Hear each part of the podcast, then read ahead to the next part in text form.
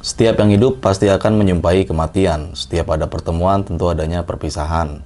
Hal ini merupakan sebuah kepastian dalam hidup yang akan dialami setiap orang.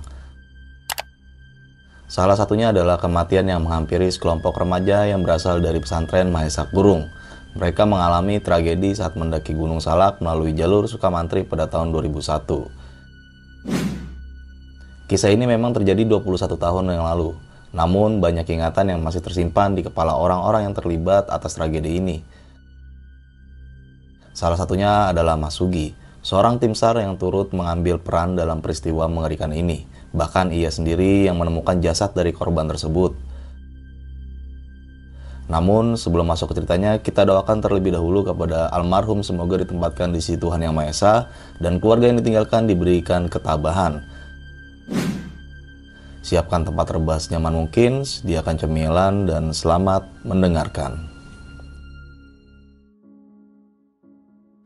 Oke, kali ini gue kedatangan narasumber nih, yang mungkin teman-teman semua udah nggak asing nih narasumber gue kali ini pernah menceritakan beberapa pengalaman pendakiannya nih waktu di Gunung Salak dan Gunung Slamet pada saat itu. Dan ceritanya ini uh, yang gak jauh-jauh tentang uh, mengevakuasi beberapa pendaki ya, atau nge-rescue lah ya Om ya.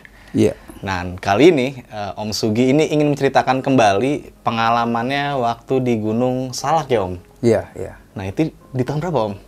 Tahun 2001 awal. 2001 awal. Iya.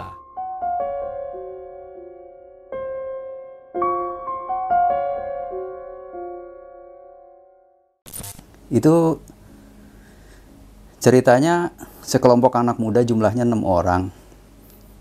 Kabarnya sih mereka dari kelompok namanya Mahesa Kurung. Mahesa Kurung. Mahesa Kurung tuh at- entah disebut pesantren atau apa ya gue juga nggak paham tapi gue nggak nggak banyak tahu lah tentang itu. Cuma ceritanya kebetulan itu kan di daerah Sukamantri. Kejadiannya di Sungai Ciapus. Titik awalnya tuh daerah Citiis. Jadi kalau teman-teman tahu Ciapus, Ciapus itu lembah lembah besar. Kalau kemarin dengar cerita Sukhoi, Mm-hmm. Nah itu lembah Ciapus itu lembah yang memisahkan Gunung Puncak Salak 1 dan Salak 2. Jadi lembah Ciapus dan lembah Cikeluwung. Ini dua lembah yang nanti ketemunya di sadel sadel antara Salak 1 Salak 2. Nah kejadiannya tuh di Sungai Ciapus ini. Oh. Sungai Ciapus. Jadi mereka berenam. Kalau menurut cerita sih mereka naik gunung cuma menyusuri sungai itu, menyusuri sungai Ciapus Ciapus itu. Oke, sampai pada akhirnya enam orang ini tersesat nih Om. Ya sampai tersesat sih enggak sebetulnya karena mereka mengikuti sungai. Kalau disebut tersesat kan hilang gitu. Ah. Trouble mengalami masalah lah di di apa di hulu di hulu sungai Ciapus ini. Hmm. Nah kira-kira ya itulah yang mau saya ceritakan gitu. Kebetulan itu saya terlibat langsung dan sampai evakuasi terakhir pun saya masih menyaksikan. Oke, mungkin kita nggak usah bermawa waktu lagi dan bagi teman-teman semua yang penasaran mungkin sama ceritanya, lu simak cerita ini sampai habis karena di situ banyak banget pelajaran-pelajaran yang nanti bisa kita dapatkan nih. Bagi kalian semua jangan lupa nih lu subscribe, like, comment, and share dan jangan lupa juga nyalain lonceng notifikasinya supaya kalian tidak tertinggal video-video terbaru dari besok pagi. Mungkin kita nggak usah bermawa waktu lagi, kita langsung aja masuk ke ceritanya.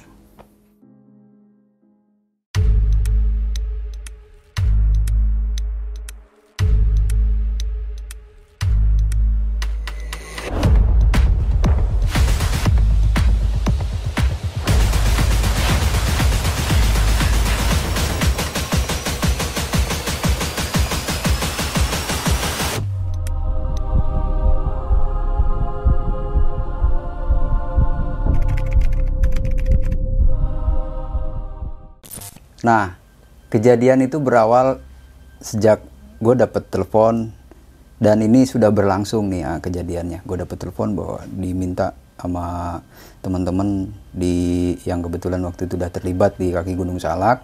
Dia telepon ke sekretariat. Dulu belum ada HP lah, belum ada boro-boro HP Android juga belum ada.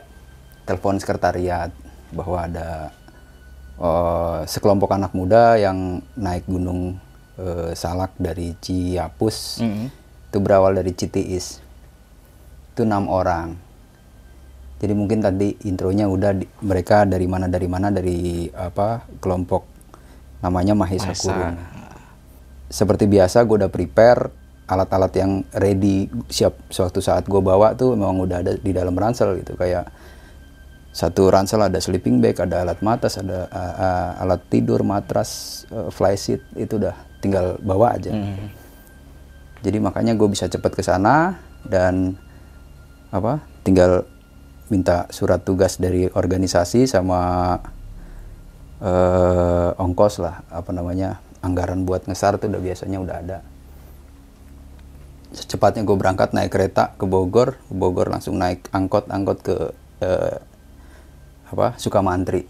Nah kalau pasti sebagian besar teman-teman Jakarta nama Sukamantri itu udah nggak asing lah. Iya.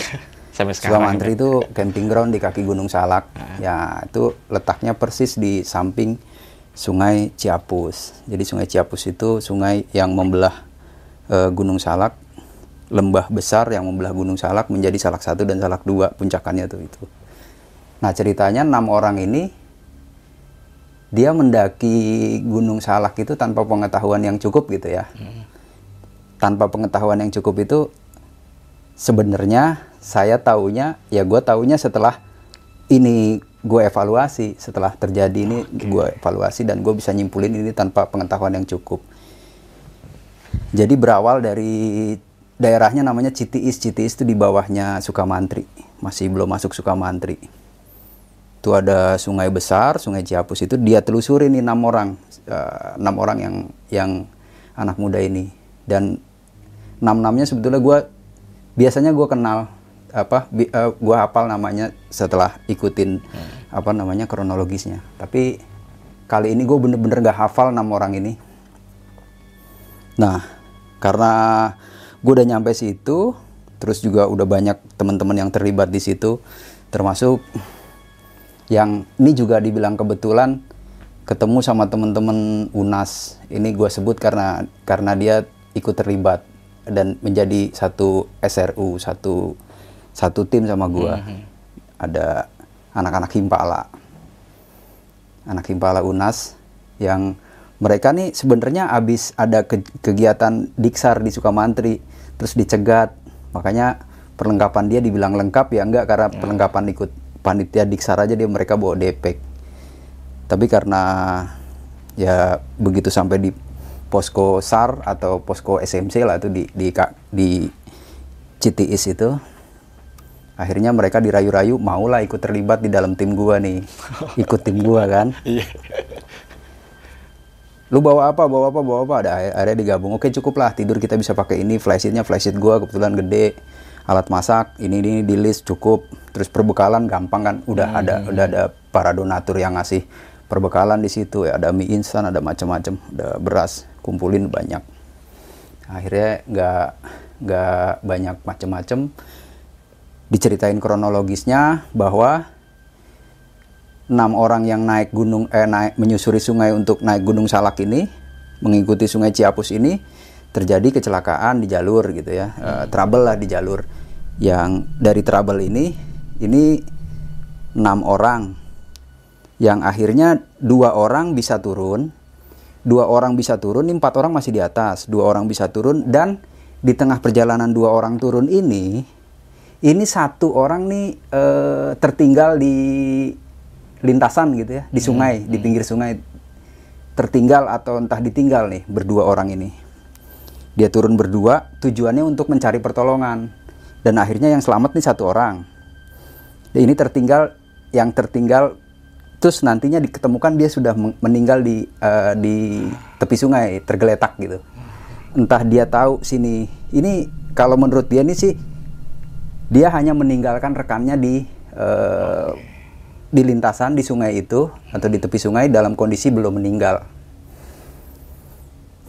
Lalu dia mencari pertolongan kan, didapatlah penduduk sekitar situ dan eh, termasuk eh, petugas camping ground Sukamantri, Pak Ucup dan kawan-kawan dulu namanya Yusuf Badar, suka dipanggil Pak Ucup. Nah dari situlah mulai membuat posko pencarian di Citiis.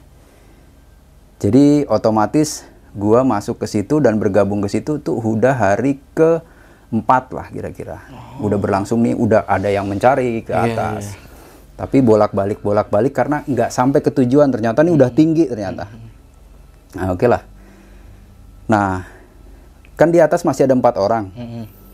Terus di lintasan ini tergeletak satu orang dan begitu warga untuk tahap awal nih warga warga setempat lah yang mencari yang menolong gitu mencari diketemukanlah yang tergeletak di lintasan ini dan dalam kondisi meninggal. Dievakuasi. Dah. Berarti tinggal empat nih kan? Mm. tinggal empat orang ini. Terus masih warga juga tuh saat itu. Ceritanya sebelum sebelum saya datang sebelum gua datang. Nah masih empat orang ini. Begitu dicari pun ditelusuri ke sungai ketemu lagi dua orang lagi turun ini. Dalam kondisi tertatih-tatih nih dua orang ini. Dan hidup. Hidup tidak bawa apa-apa eh, per- perlengkapannya udah ditinggal sana semua. Dah akhirnya di dua orang ini bisa dibawa turun kan? Dan selamat gitu. Nah udah selamat tinggal dua orang lagi kan di atas.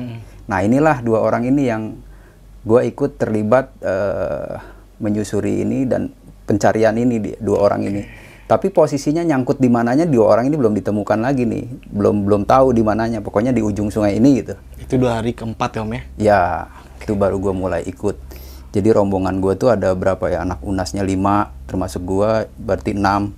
6 tambah dulu tuh ada anak lampea 6, 7, 8 orang lah rombongan gue tuh. 8 orang. Jadi emang jauh itu apa jarak tempuhnya menuju ke titik dia ditemuin nih. Hari pertama gue nyusurin sungai itu sampai sore masih di aliran masih di tengah pertengahan lah masih pertengahan jalan itu gue ngebivak di pinggir sungai. Dan itu juga kondisinya kurang nyaman lah bebatuan. Dan itu kan terjal itu kanan kirinya si sungai Ciapus itu. Hari pertama gue masih ngecamp di pinggir sungai dah itu juga nggak pakai tenda. Pakai cuman pakai flysheet. aja flysheet lebar. Dua flysheet dibentang bawahnya juga kita masih nyari apa gedebok pisang apa untuk bikin bawahnya supaya rata dan nggak mungkin diratain batu-batuan semua. Pokoknya gimana caranya rata pakai semak-semak aja tuh. Semak sama gedebok pisang dijejer-jejer yang penting malam itu bisa tidur. Itu hari pertama pencarian. Nah hari kedua besoknya kita lanjut lagi. Hari kedua tuh maksudnya hari kedua gue ikut dalam pencarian itu. Ikut terus menelusuri sungai itu kan. Satu harian sampai sore pun itu belum ketemu hulunya. Nah masih ketemu cabang sungai. Jadi pertigaan gitu. Pecahan sungai. Nah cuma di pecahan sungai ini nih aliran si Ciapus nih mulai mengecil gitu. Mulai ciut mulai menciut nah di situ baru agak nyaman tempatnya. Agak ada pelataran kayak pantai pasir lah walaupun sedikit kita bikin di situ. Nah itulah yang kita jadiin base untuk wirawiri. Oke. itu mungkin bisa disebut OSC lah di situ. Nah sebetulnya hari itu juga kita ketemu sama rombongan yang sebelumnya datang lebih dulu tuh eh, teman-teman gue dari Bandung juga dari Bandung kita ketemu di situ dan akhirnya jadi rame nih jadi bukan 8 orang lagi kita udah ketemu dan mutusin bikin pos atau bikin camp di pertigaan sungai itu ada yang nanti pecahnya tuh sungai ke kanan dan kiri gitu pecah dua. Nah, sebetulnya dari pecahan dua sungai ini, ini kita bikin pos di sini. eh, mungkin gue bisa nyebut itu pos OSC lah, pos untuk komunikasi antara nanti SRU yang ke atas dan pos OS, eh, SMC gitu ya. SMC itu pos pencarian di bawah.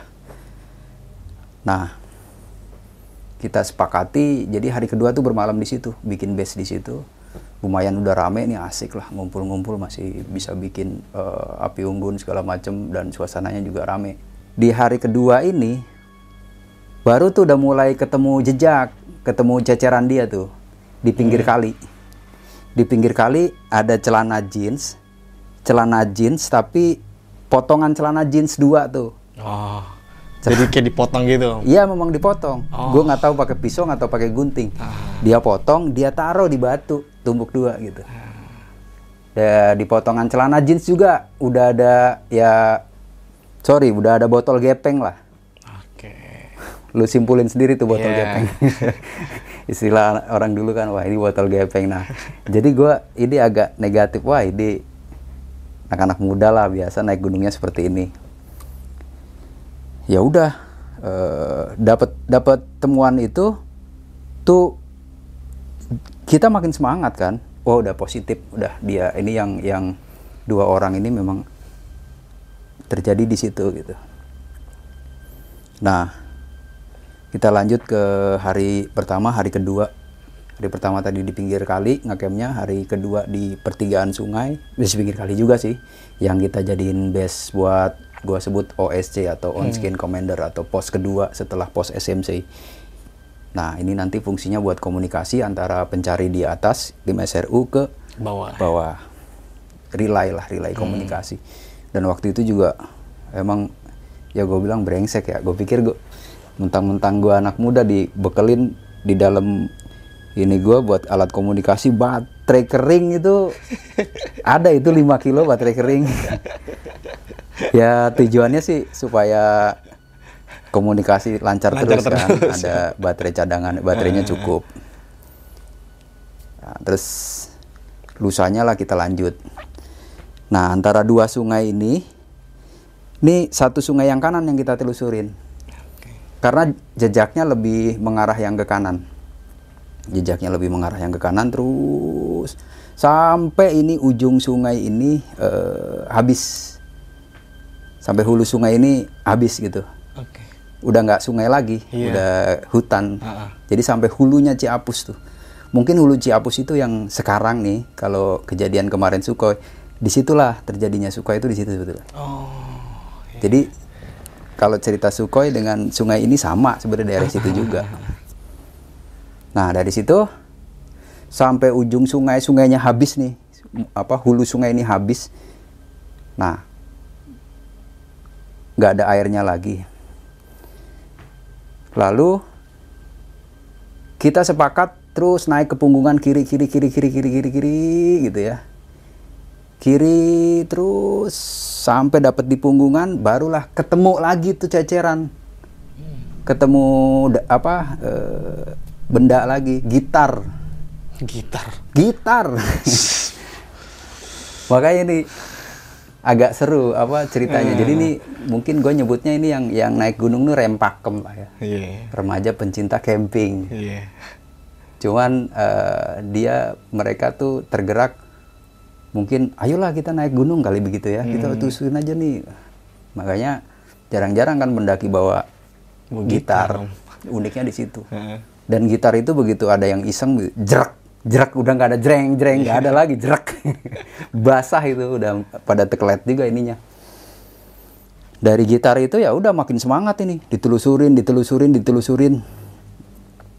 Nah kan masih dua orang nih di atas ini ketemulah belum nyampe ah, ini ketemulah satu orang itu. Satu orang dalam kondisi mau turun gitu.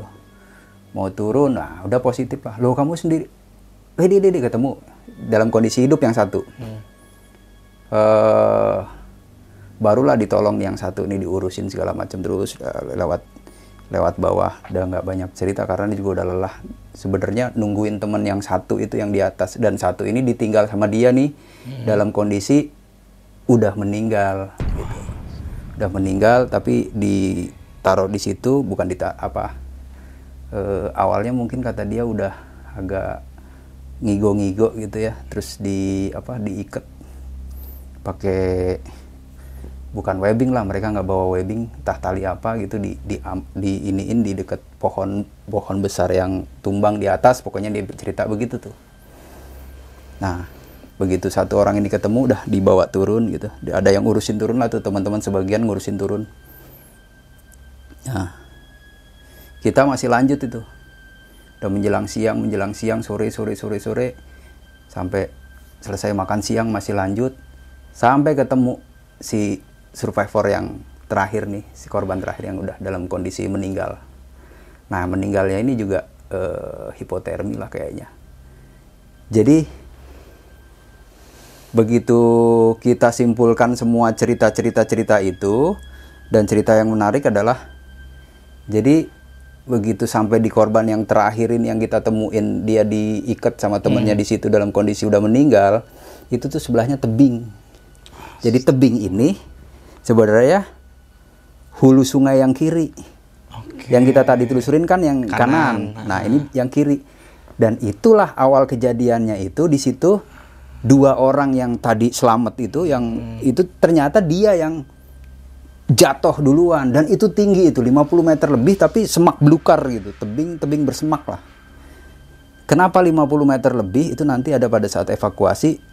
Hmm. dia dievakuasi ke situ dengan satu roll tali 50 meter itu nggak nyampe masih nggak masih gantung lah sekitar jadi itu itu kesimpulannya 50 meter lebih itu gue simpulinnya dari ukuran itu Hmm.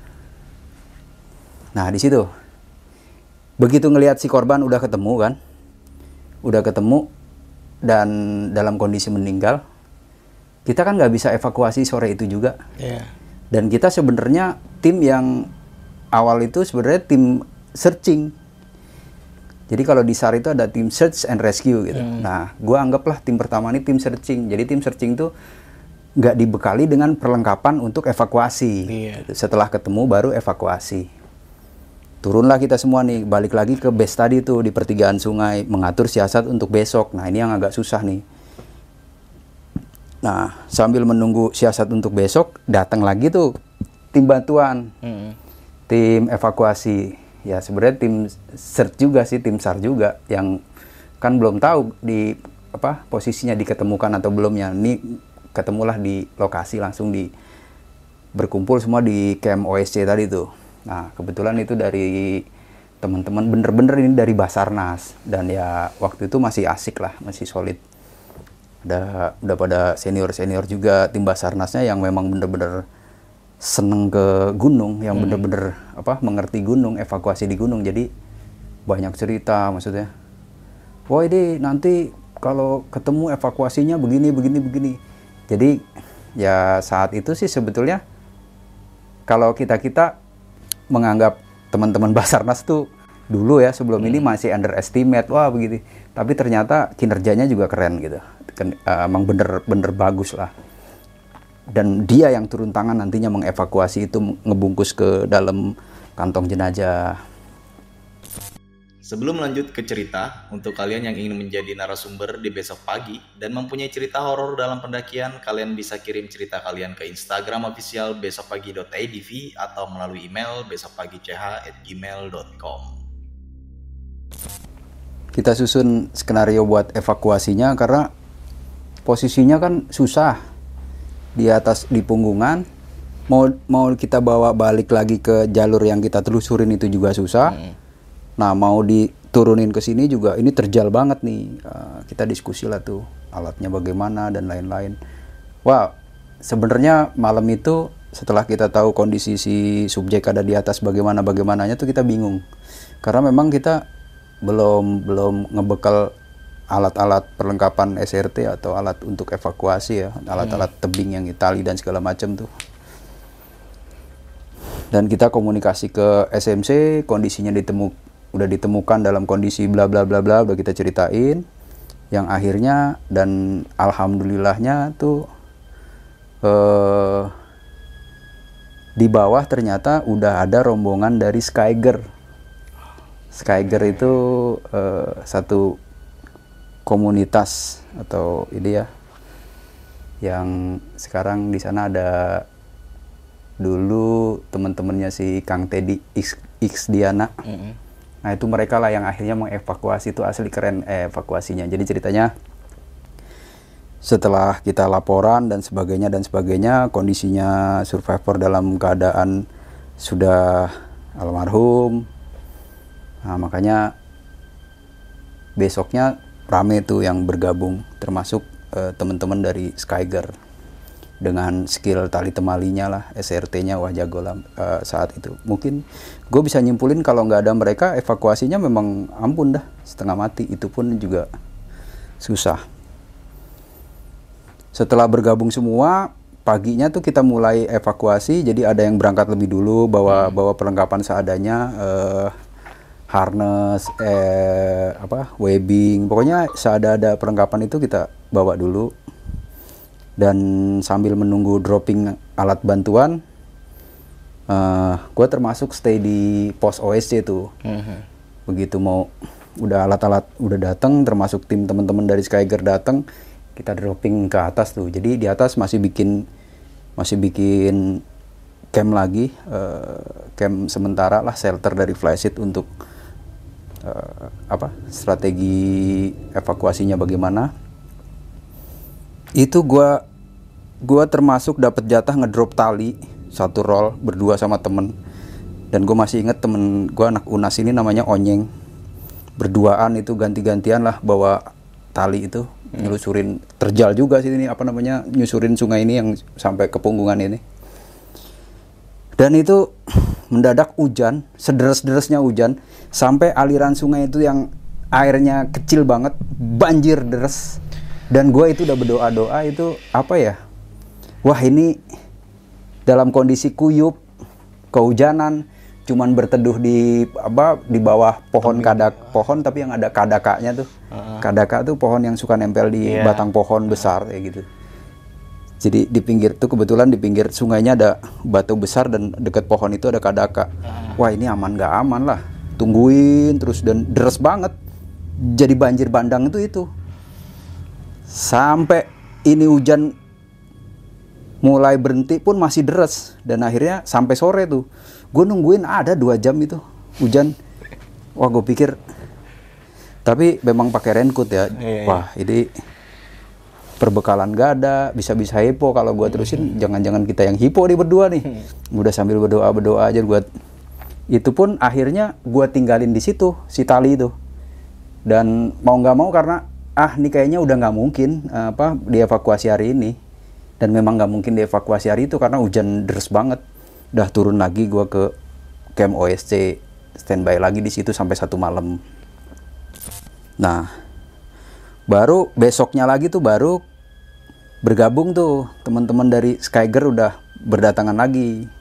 Udah mulai banyak. Kurang lebih ada berapa orang lah aku lupa. Ada 8 apa 10 orang. Ikut naik termasuk eh, bapak-bapak yang Basarnas tadi tuh yang ngomongnya banyak dan akhirnya memang bener. Begitu sampai di dan hari itu cerah kita menuju ke lokasi tempat dia apa subjek terakhir ini yang diamankan sama temennya ditaruh di situ memang bener di di batang pohon dan setelah gitar itu ketemu Depek baru abis Depek baru ketemu si almarhum tadi tuh Nah, begini caranya kata si bapak tua yang Basarnas. Deh, dimasukin ini. Jadi kalau memang ini udah bau, kita udah lawan aja bau, telan aja ininya apa? Ludah kita telan sendiri, jangan banyak ngeludah, malah makin bau. Oh, gitu caranya. Nah, kalau kita memang udah tahu begini dan baunya apa bakal bau, ya bekal kopi, kopi bubuk gitu. Kopi bubuk yang ya kopi murahan lah untuk naburin si apa? si almarhum ini supaya nggak baunya nggak menyengat. Tapi kan itu baru ya nggak terlalu bau. Bener dia yang evakuasi masukin ke dalam kantong jenazah. Dah di Pulasara lah. Tinggal teknik nuruninnya aja. Nah itu udah bagian anak-anak Skyger tuh. Hmm. Jadi mungkin tekniknya namanya howling atau tirolian ya. Gue lupa juga. Jadi dia pakai tandu basket. Memang bawa itu tandu basket tuh tandu cekung gitu. Hmm. Tandu cekung yang yang tandu basket ini tandu yang didesain tuh kalau kena benturan ya ini aman gitu. Kalaupun ini apa si almarhum ini masih anak ini masih kondisinya masih hidup, ya gue yakin aman dengan tandu basket ini jedak jedek jedak jedek juga nggak masalah. Dan itu mereka berdua rappling. Jadi ada dua dua tali yang dijulurin ke bawah. Ini rappling kanan kiri. Satu untuk tandu sebelah Iya. kiri, satu untuk Sebelah sebelah kanan. Nah itu kerennya tuh dulu ya gue acung jempol lah sama anak-anak. Memang skillnya itu kan, Nah, vertical rescue dan sampai sekarang Teddy dan kawan-kawan tuh membuat itu uh, vertical rescue Indonesia. Oke. Adalah itu di apa di medsosnya. Dia masih konsisten di situ sampai bikin program apa jembatan gantung. Bikin program seribu pemanjat atau apa gue lupa. De- jadi Teddy dan kawan-kawan tuh masih konsisten di bidang itu gitu. Dan gue lihat kinerjanya emang ya itu harus diacungin jempol saat itu dan bener-bener terpakai gitu apa ilmunya. Dah terakhir si apa si almarhum ini udah udah diturunkan berhasil turunkan di bawah baru kita tuh semua yang yang ada di atas itu rappling. Iya. dan gue juga termasuk ikut rappling. Waktu itu pakai brake bar lah. Jadi nggak pakai figure eight coba pakai karabiner. Dan gue nggak tahu itu alhamdulillah gue masih bisa ngontrol. Pak gue mau turun ini ternyata lepas brake barnya tuh. Gue bilang ini gimana ini ditarik lagi terus dibenerin. Waduh ini nyaris kata dia. Nah, akhirnya ikut turun lah gue rappling. Nanti ini yang clean mereka tuh ada begitu gue nyampe bawah. Nah itu baru gue tahu kesimpulannya itu kenapa tebing ini 50 meter lebih tingginya. Karena tali yang buat rappling ini tali statik ini kan ukurannya 50 meter. Hmm. diambil buat eh, simpul dan segala macam kan berarti berkurang kan? Nah begitu nyampe di dasar jurang ini di tempat si anak ini jatuh dua yang tadi itu itu tali itu nggak nyampe ke dasar kira-kira ada ya? 2-3 meter lah kurang dikit gitu. tinggi juga. jadi gue begitu nyampe bawah ya loncat gitu. nah ini ajaib yang anak dua ini yang jatuh dari tebing ini dan itu yang tadi di awal gue cerita itu anak begitu turun berdua mencari pertolongan yang satu meninggal di lintasan yang satu sempat eh, selamat kan dan mencari pertolongan ini emang udah babak belur kali itu anak jatuh dari tebing setinggi itu kan. Tapi tebingnya tuh nggak tebing blank begitu. Mungkin banyak Semak. gitu. semak yang masih dia pakai. Cuman ya ajaibnya ya itu. Nggak mati gitu nggak mati dek langsung di situ. Nah di bawah itu di tempat dia jatuh itu kan ada panci sebesar panci gede lah panci dandang gede tuh. Dandang gede yang kira-kira kalau masak cukup untuk 20 orang kali kalau nasinya 20 piring kali ya. Ini orang bener-bener gue pikir apa ya eh, tadi rem pakem tadi remaja pencinta camping. Ya kalau kita kan misting gitu kan, Nah, panci-panci kecil ini panci gede. Di situ baru gue bisa menyimpulkan tuh, oh, ini tadinya mau camping-camping mungkin ya, cuma mau kalau bahasa Sundanya botram lah, mungkin mau masak-masak di kali, tapi ya iseng gitu. keterusan. Gara-gara botol gepeng Iya. jadi naik ke atas. Nah di situlah tuh eh, pelajaran banyak yang gue dapet dari mulai dari evakuasinya, yang banget banget gue lihat teknik evakuasinya tuh keren ya itu. Terus kan sepanjang sungai itu batuannya gede-gede banget. Bayangin kalau untuk tandu terus bawa pakai tandu itu kan kapan kelarnya kan? Mm. Nah, di situlah eh, bikin teknik-teknik tirolian. Jadi dari antara bikin angkor dari pohon di atas nih ke pohon di bawah gitu. Nanti Iya. si si tandu ini digantung Iya, pakai pulai di apa diluncurin ke bawah Iya, set, iya, terus iya, aja iya. begitu. Dan termasuk ada satu air terjun kalau itu kita lewatin lewat samping. Ini kan ketat apa tipis banget kalau kita lewat samping bawa apa bawa tandu itu. Nah itu mau nggak mau kan diluncurkan juga pakai tirolian. Nah itu sehingga itu bisa cepet. Jadi dan itu pun nggak bisa sehari full untuk evakuasi sampai bawah. Itu dua hari. Dan itu sempet diinepin di jadi setelah dari tempat rappling itu turun sampai bawah dievakuasi kan itu pertigaan sungai kan Iya. yang tadi kita naik dari atas ini timbulnya eh dari kanan ini sungainya kan yang kiri munculnya dari sini nah ketemu di pos OSC itu ini udah menjelang udah sore. Dan nggak lagi nggak dilanjut ya. gitu. Ini nggak dilanjut dievakuasi. Iya. besoknya lagi dievakuasi. Dan bayangin sore itu sampai malam itu almarhum masih di situ kan? Di tandu itu terus kita di bivak itu. Di bivak pinggir kali walaupun kita rame juga kan parno itu. Iya. udah hari itu sore itu udah ya udah nggak bisa bercanda-bercanda lagi udah paling cuman masak bikin api unggun udah ngopi-ngopi yang buru-buru pengen tidur cepet gitu. Supaya dia evakuasinya ya supaya malam itu nggak bolak-balik ngeliatin almarhum yang di Mm. apa yang di tandu itu. Kan belum belum nggak mungkin lah diturunin malam itu.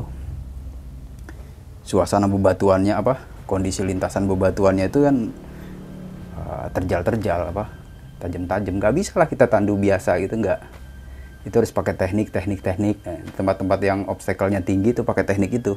Diluncurin diluncurin. Nah itu yang gue sempet sampai itu gue bikin tulisan. Jadi bukan searchingnya yang susah. Jadi gue kasih judul evakuasi yang melelahkan gitu. Karena memang susah banget butuh-butuh teknik itu. Iya, iya. kalau nggak pakai teknik itu ya mungkin kita bisa Berhari-hari bawa malah. Bawa itu turun bisa lebih dari dua hari itu pun pakai teknik itu dua hari gitu.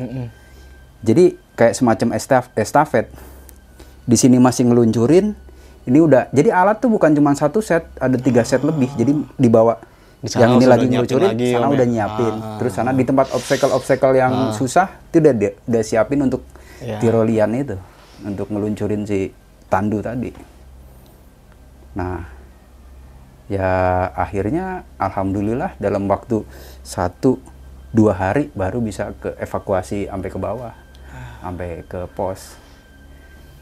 Jadi ya balik lagi itu hal-hal yang kalau menurut gua awalnya mau seneng-seneng sepele mau masak-masak terus Mm-mm. akhirnya punya pemikiran nelusurin sungai sampai naik ke gunung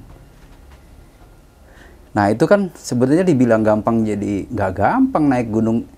Mungkin awam ya. Gue juga berpikiran dulu kalau naik gunung itu apa? Dengan menelusuri sungai ini bakal nyampe ke puncaknya. Ternyata salah. Justru menelusuri sungai itu tingkat kesulitan atau obstacle-nya hambatannya tinggi banget. Dan itu ajaib itu anak bisa nyampe situ gitu. Belum itu jauh banget belum nyampe ke puncak gunung salak. Itu kalau tembus kan salak satu sebenarnya. Nah ini masih jauh banget. Jadi begitu dia nyampe di abis sungai ini ditelusurin ya anak enam orang ini sampai di punggungan ini pun terjebak eh, terjebak apa ya? Terjebak penglihatan salah puncak gitu. Jadi di seberang pung, di seberang lembah ini nih ada puncak gunung ada puncakan puncak-puncak bohong lah. Puncak-puncak bohong tuh banyak banget di apa di punggungan Gunung Salak ini di punggungan-punggungannya nih ada. Makanya zaman sekarang tuh ada orang nyebut puncak salak satu dua tiga sampai puncak salak Iya. berapa tuh. Ah. sebenarnya enggak. Itu puncak salak cuma satu dua aja. Yang lain puncak-puncakan nggak jelas itu Nah, nah salah satu puncakan yang nggak jelas ini yang juga menurut gue ini tertabrak sama si Sukai Sukhoi kemarin itu. Jadi gitulah kira-kira proses evakuasinya jadi makin eh, apa ya dari beberapa pengalaman operasi SAR tuh ya macam-macam yang gue alamin penyebabnya apa kronologisnya cuman gara-gara hal sepele semuanya rata-rata sepele sebenarnya tapi berakibatnya tapi fatal berakibat lah. maut gitu. Dan ini be- sampai berapa hari berarti total keseluruhan harinya tuh berapa lama tuh? Ya, gua sendiri kan sebelum operasi SAR gua eh, gua masuk terlibat di operasi SAR ini, itu udah berjalan kurang lebih kan empat hari. Empat hari. Empat hari, terus begitu gua masuk, itu aja gua masuk ikut sampai ke proses searching itu tiga hari. Mm. Tiga hari, terus sampai diketemuin, sampai posisi si almarhum, proses evakuasinya tuh kurang lebih tiga hari juga. Berarti hampir Jadi empat, ya? tiga, tiga, enam, sepuluh hari. Eh, 10 hari om untuk mengevakuasi pendaki yang satu itu om. Iya. Nah dari beberapa teman-teman yang selamat nih om, gimana tuh om kesaksian mereka mereka tuh? itu beda dengan yang lain-lain gue dan rata-rata setelah selesai operasi itu gue udah nggak ketemu lagi dengan Ah. teman-temannya dia yang selamat udah nggak bisa gue tanya lagi gitu cuman bisa ya bisa menyimpulkan tadi ini jelas bukan dari anak-anak yang memang mereka punya apa ya mau belajar untuk eh, skill atau teknik naik gunung Hmm. ini ya gue bisa menyimpulkan ya anak-anak muda yang memang saat itu kepincut dengan kegiatan outdoor gitu dengan alat yang perlengkapan apa adanya panci segede gitu gitar tadi tuh depek yang nggak jelas depek Hmm. apa mereknya kan zaman zaman itu gitu terus juga dari celana jeans yang dipotong dari botol gepeng yang gue temuin. Iya. ya itulah kesimpulan gue jadi ya sebenarnya dari dulu udah mulai banyak sih orang tertarik eh, untuk berkegiatan naik gunung atau di outdoor outdoor activity. Cuma memang baru-baru ini gitu ya baru zaman-zaman medsos ini orang bisa teman-teman bisa belajar dari apa dari yang satu ngelihat konten ini ngelihat konten ini ngelihat upload dan updatean ini gitu jadi makin lama makin belajar terus dari film Mm-mm. nah dari organisasi-organisasi pencinta alam makanya dari belajar dari pengalaman-pengalaman SAR itu gue di organisasi kan sebenarnya ada sekolah SAR. Sekolah SAR tuh untuk internal gue sendiri, organisasi sendiri sama untuk eksternal gabung. Tapi sekolah SAR ini kan untuk sekolah yang orang-orang expert sebetulnya yang udah seneng kegiatan mendaki gunung gitu ya. Mm. Nah, terus gue berpikir, nah teman-teman di organisasi gue nih berpikir, ya ngapain kita supaya jangan banyak kejadian SAR, skillnya yang harus diperbanyak. Jadi kita bikin semacam eh, misalnya ada sekolah pendaki gunung gitu. Oh iya. Terus kursus-kursus ke kampus-kampus, ke sekolah-sekolah, ke SMA-SMA. Eh, masih kegiatan outdoor goes to kampus, goes to school. Jadi untuk meminimalisasi eh, kecelakaan atau kejadian yang tidak diinginkan buat teman-teman pemula yang mau naik gunung setidaknya dibekelin itulah daripada ya daripada kita ngesar kan mendingan ngasih tahu gitu Iya benar. supaya benar, nggak benar. terjadi hal-hal seperti itu lagi. Ah, kalau salah kan makan waktu lumayan cukup lama juga om ya. Ya dan lagian apa ya? Yang ngesar ini kan pertolongan gitu.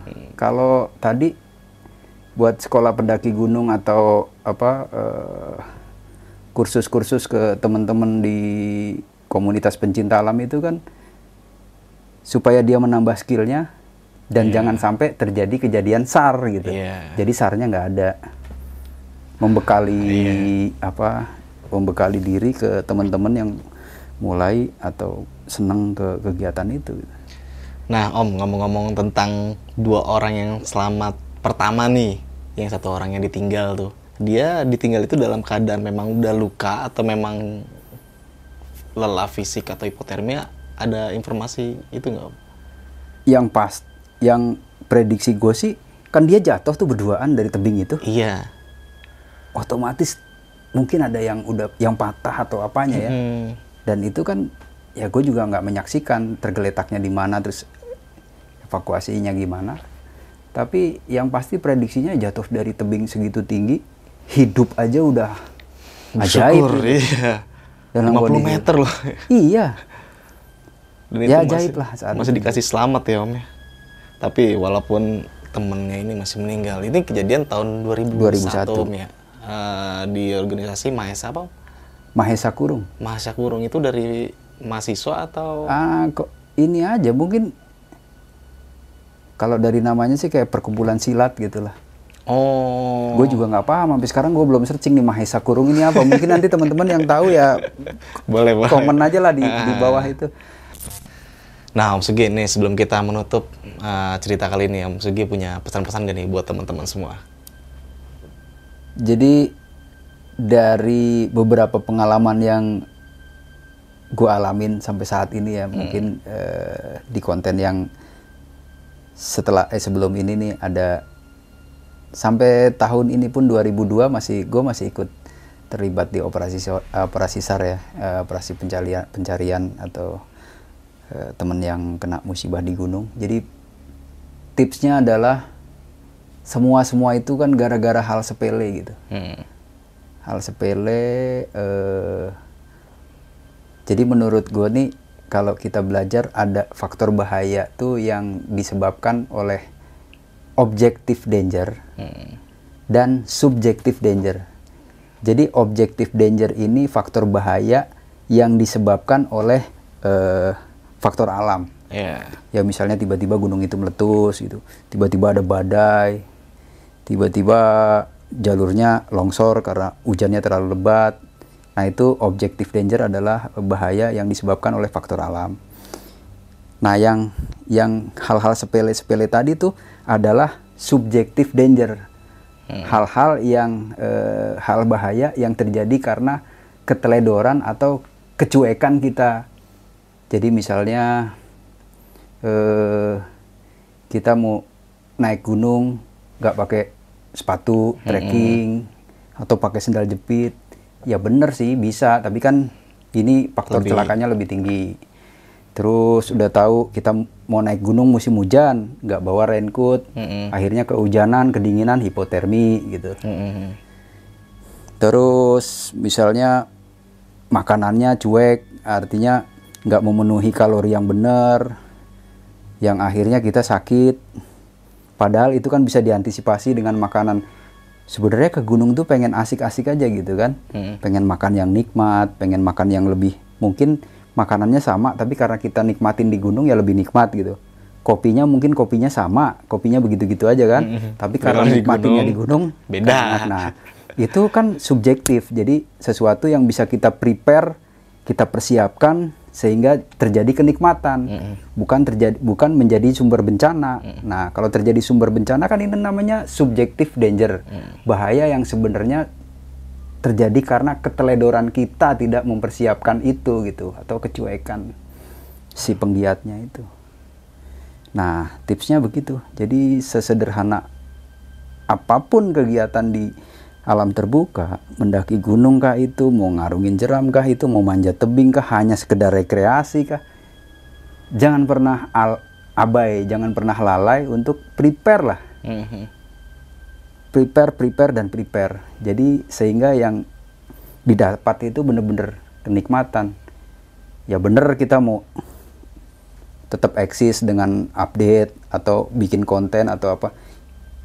Faktornya tuh jangan jangan sampai lalai persiapannya. Iya.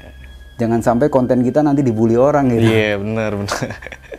Woi itu mau manjat kok nggak pakai helm. Woi itu mau naik gunung kok nggak pakai sepatu. Iya. Oh itu kok mau udah tahu hujan nggak bawa jas hujan nggak bawa raincoat gitu gitu. Jadi munculnya bulian bukannya konten sehingga konten itu maunya meng, meng- apa orang tuh Edukasi ya kan.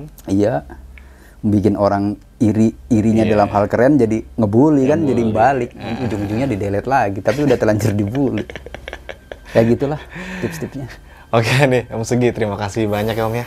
Udah mau berbagi cerita nih, sekali lagi gue mau ngucapin terima, terima kasih banyak banget buat Om Sugi.